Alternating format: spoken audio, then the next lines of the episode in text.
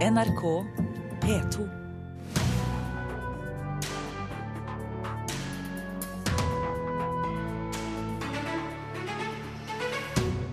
Boken om superhelten Brune fikk Nordisk råds pris i går kveld.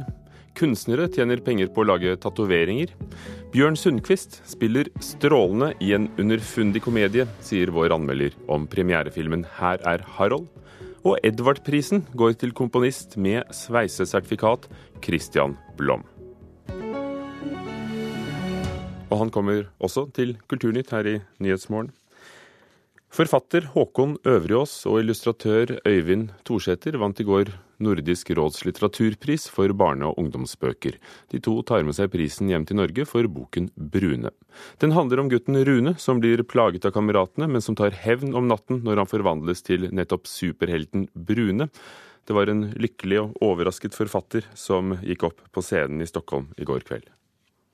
Winner of the Nordic Council Children and Young People's Literature Prize 2014 is Brun by Håkon Øvrøs and Uvind Tursæter from Norway. Oi. Og dette her er helt merkelig. Uh, dette er min Øyvind har jo lagd mange barnebøker, men det er først i min. Og det er noe som forteller meg at jeg bør fortsette, kanskje. Uh, men uh, herregud. Eh, Med denne takketalen så ble forfatter Håkon Øvreås og illustratør Øyvind Thorsæter historisk. Og det er flere som mener at de to bør fortsette å lage barnebøker. Det syns jeg absolutt eh, han bør det gjøre. Og jeg fikk jo anledning til å snakke med de flotte vinnerne. Det høres ut som de allerede har planlagt eh, på bok to og tre. Så det er flott. Det sa kulturminister Toril Vidvei, som var i Stockholm på prisutdelinga. Og både Øvreås og Torseter har ikke landa helt ennå etter at navnene deres ble ropt opp. Det føles uvirkelig. Det føles, ja, nei, jeg tror ikke på det. Eh, Det er helt absurd, altså, rett og slett. Å stå her og få Nordens største pris for det man har gjort. Det, det, jeg, jeg klarer ikke å forstå det. Jeg, Det er kjempestort. Jeg er veldig glad. Så det er veldig fint. Anmelder i NRK, Anne Katrine Straume, tror juryen falt for sjarmen i boka 'Brune'. Det er en veldig søt og morsom historie. Og det er eh, ja, ikke overraskende, fordi det er en veldig god bok. Og det er faktisk den eh, boken som har absolutt høyst eh, sjarmfaktor av de nominerte. For det er mye alvor blant de nominerte i år.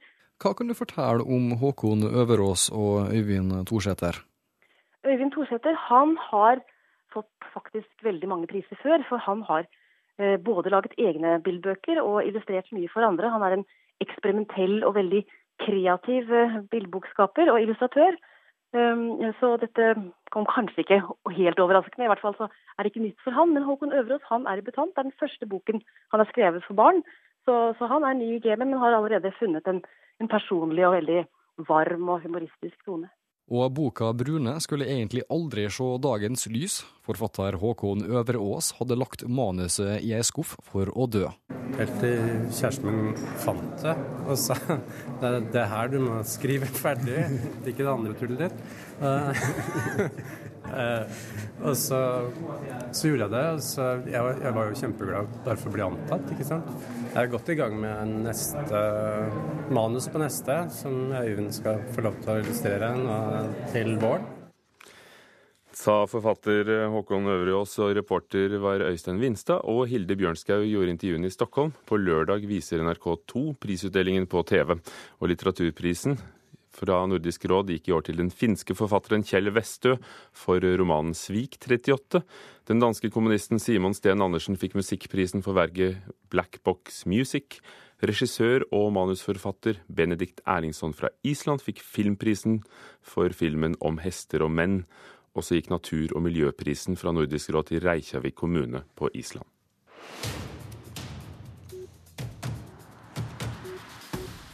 Sigurd Jorsalfares hodeskalle ligger likevel ikke i Det kongelige mausoleum, det skriver VG i dag.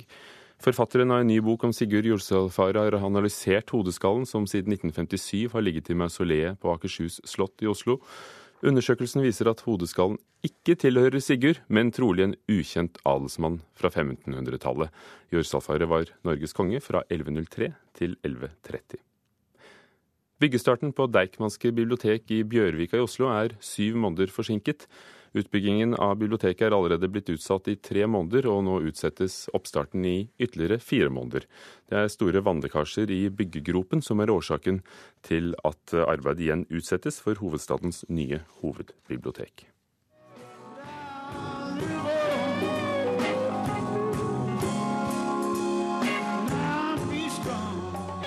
Sørstatsrockerne i The Allman Brothers Band har spilt sin aller siste konsert. Bandet avsluttet karrieren med en fire timers avskjedskonsert på The Beacon Theater i New York mandag kveld. The Allman Brothers Band ble dannet i Florida i 1969 av brødrene Dwayne og Greg Allman, og bandet fikk sin største hit med Rambling Man i 1973.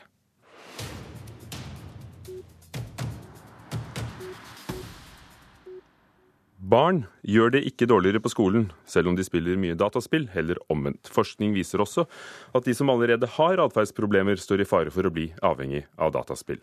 Når Medietilsynet i dag holder dataspillkonferanse, handler det om hva som skjer når både barn og foresatte bruker mer tid på data.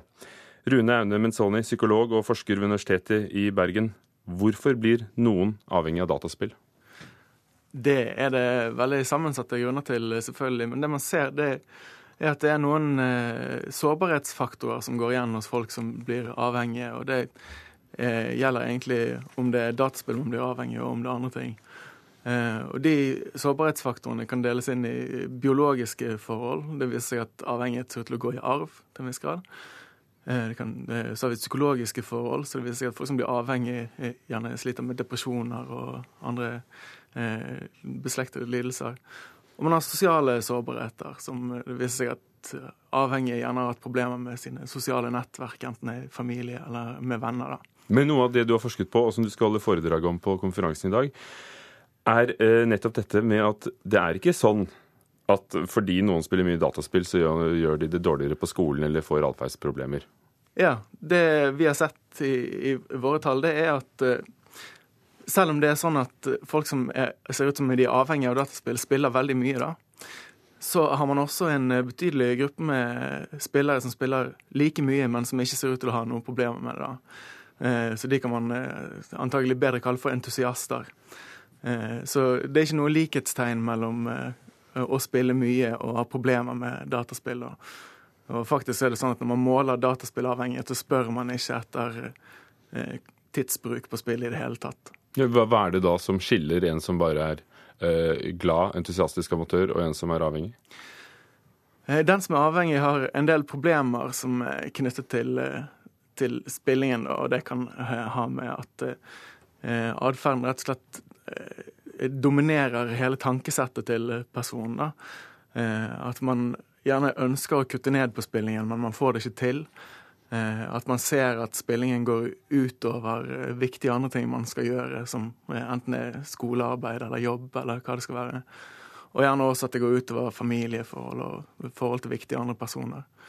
Dere undersøkte 2000 norske barns forhold til dataspill. Hva sier de? De 2000? Nei, det er sånn at uh, de aller fleste barn og unge, og også eh, veldig mange i befolkningen generelt, spiller da, et eller annet. Og noen spiller mye, og andre spiller eh, mindre. Og de aller, aller fleste som spiller, de gjør jo det på en måte sånn der de får mye glede utover det de holder på med. Og det er litt viktig å få frem, syns jeg, når jeg står og snakker om eh, dataspillavhengighet. At den gjennomsnittlige personen som begynner å spille, eh, får ikke problemer med det. Den får heller noe positivt eh, igjen for det. da. Og Det er jo det de fleste spillere sier også, at dette er noe som tilfører livet noe, ikke noe som tar noe vekk fra livet. Er det forskjell på jenter og gutters bruk av spill? Ja, det er det. Eh, jenter spiller også mye. De aller fleste jenter spiller også. Men det er en viss forskjell i hvilke spill man foretrekker. Og når det kommer til problemspilling, så er det også forskjell. Det er en klar klart flertall av gutter som har problemer med, knyttet til spillingen. Da. Og siden eh, eh, seminaret handler om eh, både barn og foresatte, hva skal foreldre gjøre hvis de er bekymret? Hva skal de se etter, og hva skal de gjøre? foreldre bør regulere spillingen til, til, barn og unge, akkurat som man bør passe på alt andre som barn og unge holder på med. Da. Og det er noen konkrete eh, knep man kan bruke. Og det handler f.eks. om å ha spillutstyr i fellesområder i stedet for på soverom. Det handler om å regulere spilletiden, passe på at barn ikke spiller mer enn én til to timer per dag, kanskje. Gjerne litt mer i helgene.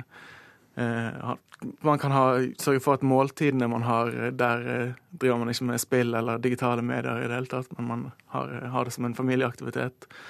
Eh, og generelt sett passe på at barn og unge gjør andre ting enn bare én ting, da. Og Det gjelder om den ene tingen er å spille tuba eller det å spille data. Men i utgangspunktet er ikke dataspill farligere enn tuba? Nei. Takk skal du ha, Rune Einum Menzoni, psykolog og forsker ved Universitetet i Bergen. I dag er det altså konferanse om eh, barn og foreldres forhold til data.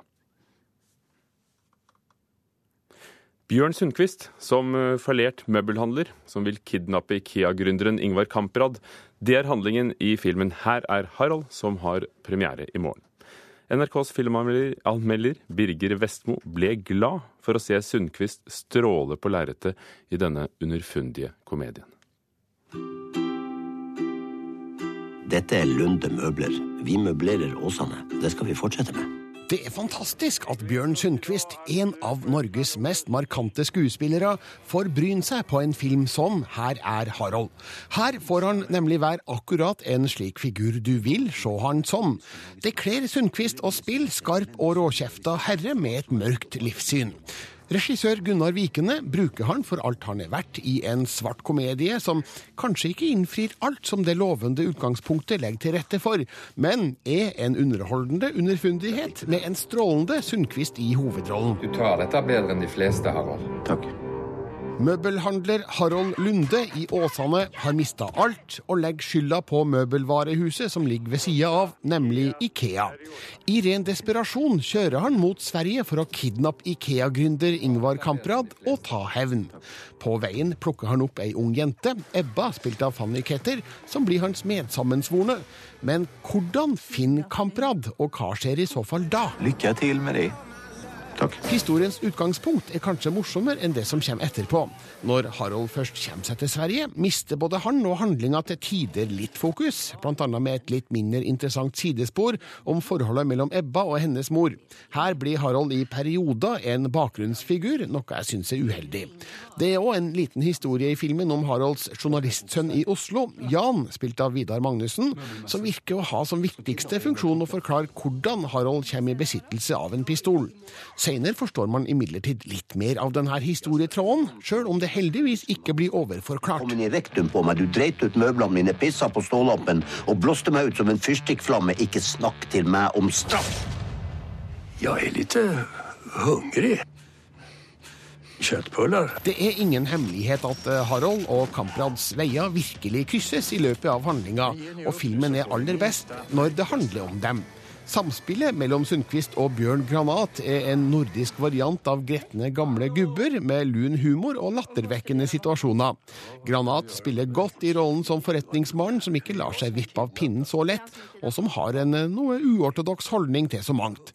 Jeg aner ikke om det er noe som ligner den ekte Ingvar Kamprad her, men filmversjonen av han er i hvert fall en kostelig figur. Jeg har ikke hatt det så spennende på lenge. Regissør Gunnar Vikene har også skrevet filmmanuset, basert på en historie av forfatter Frode Grytten. Resultatet er ofte gledelig godt, med treffende personkarakteristikker og problemstillinger som virker ekte, sjøl når de nærmer seg det absurde. Filmen har nydelig foto av svenske Simon Pramsten og tøff musikk av Jan Ove Ottesen, som iblant kan minne om Ola Kvernbergs musikk i nord, bare mer rocka. Akkurat som Nord er Her er Harald en slags roadmovie, der hovedfiguren blir nødt til å revurdere sin egen livssituasjon i møte med andre mennesker på veien. Det her uttrykker Bjørn Sundquist med en less is more-strategi som kler figuren godt. Dritt, dritt og dritt. Her er Harald anmeldt av Birger Vestmo.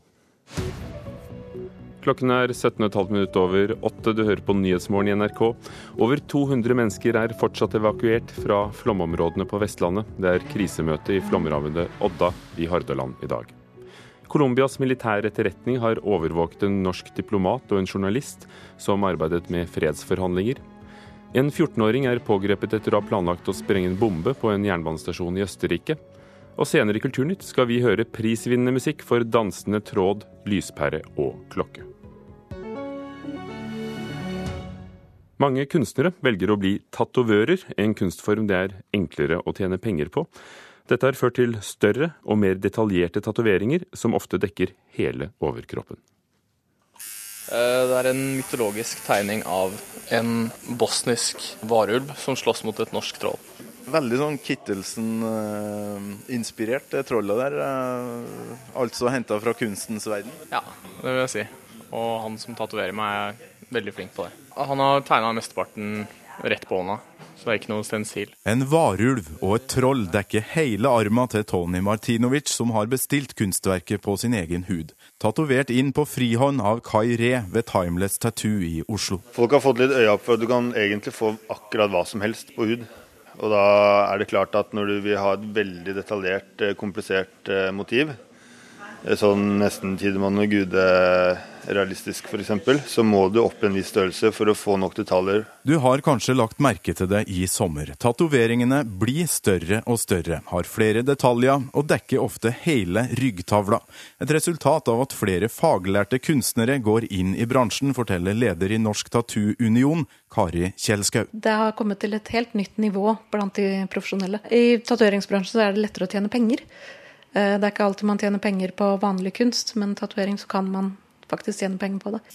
Jeg ser jo at realisme er jo blitt mer, mer inn, da, hvis man kaller det, kaller det. Gunnar Haslund i Horten er tidligere elev av kunstner Odd Nerdrum. Han har valgt å kombinere tatoveringsvirksomhet med kunstmaling, og er ikke i tvil om at læremester Nerdrum har respekt for den jobben han gjør på menneskehud. Jeg tror han syns det er, eh, er et bra håndverk. Ja.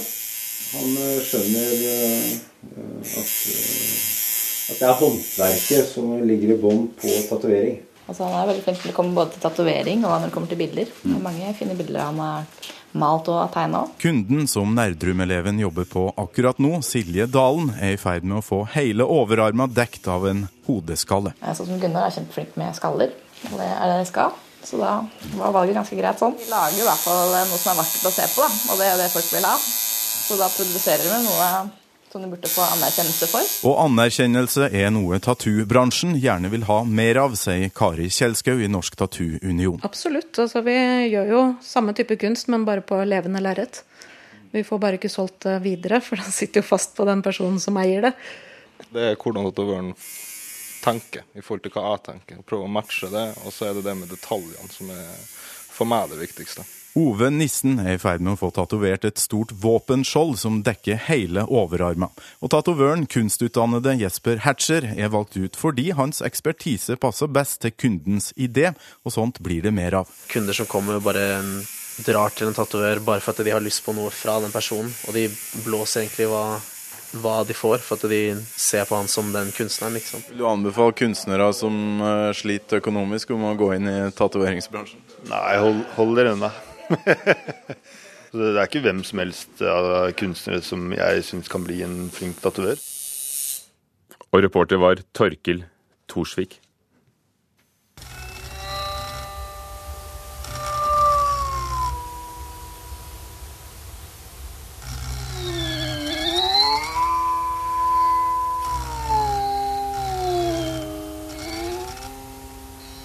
I dag får musiker og komponist Christian Blom Edvard-prisen i åpen klasse for den musikken vi hører her. Trio for dansende tråd, lyspære og klokke med demper. Christian Blom, gratulerer. Tusen takk. Hva hører vi? Det vi hører her nå, det er eh, et strengeinstrument som snek seg med etter at tittelen var avgjort. Så dette er eh, fra Ultima-festivalen i fjor. Et dokumentasjonsopptak jeg gjorde der sånn, på Kunstnernes hus. For du er ikke bare utdannet komponist, du er også sveisesertifikat. For du bygger jo dette instrumentet selv. Ja. Eh, og det er altså består faktisk av lyspære og en, en tråd som danser og en messingklokke med demper. Ja, mitt, uh, hensikten min med å bygge dette her var uh, med de enkleste mulige midler å lage uh, et slags instrument for eh, dans og sang og lys, da, hvis du vil. Altså forsøke å lage en, en slags bevegelig skulptur som kunne gjøre disse tre tingene, og, og på den måten danne en felles struktur ved ting du ser og hører. Det var ikke opprinnelig tenkt som et uh, lydprosjekt alene. Men det ble ikke noe særlig bra, så da satte jeg på noen flere instrumenter. Blant annet denne strengen som vi hørte nå. Sånn at det ble et mer musikkprega prosjekt. Men fra å være utdannet komponist mm. og ha også skrevet uh, verk for piano og allerede eksisterende instrumenter, hvordan kom du dit hen at du ville lage din egen lydskulptur? Jeg kom på et punkt til at uh, musikken hele tiden butta i intuisjonen min. Så jeg kommer ikke lenger med det jeg vet. Så da begynte jeg å bruke krykker for å skrive musikk. Og det endte med at jeg begynte å lage dataprogrammer som lagde musikken for meg. Og da ligger egentlig min hånd på verket i hvordan jeg lager programmet. Men på et eller annet tidspunkt så blir man også lei av å sitte i studio og høre på elektronisk lyd.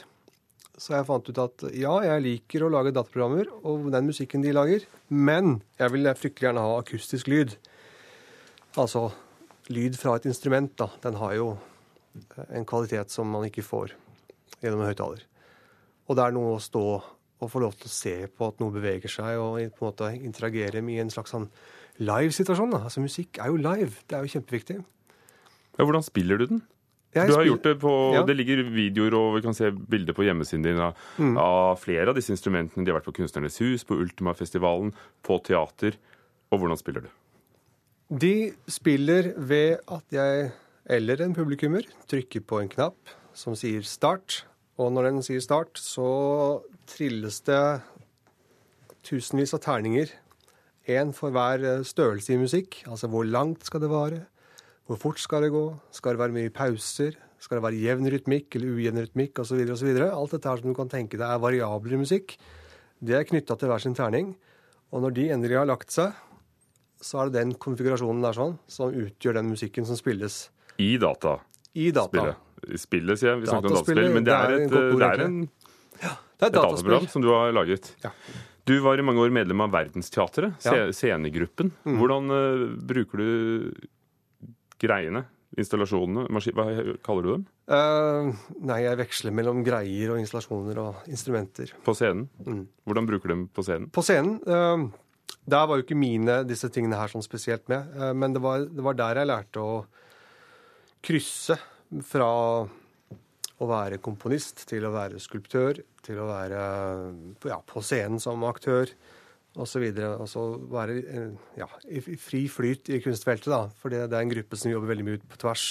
Så det var der jeg pådro meg sveiseegenskapene og sølvloddinga og den slags. Mm. Christian Blom, takk skal du ha. Senere i dag får du altså Edvard-prisen, som rettighetsorganisasjonen Tono deler ut, på 50 000 kroner og en skulptur av Bruno Oldani, for trio for dansende tråd, lyspære og klokke med demper, som vi hørte fra her. Tusen takk.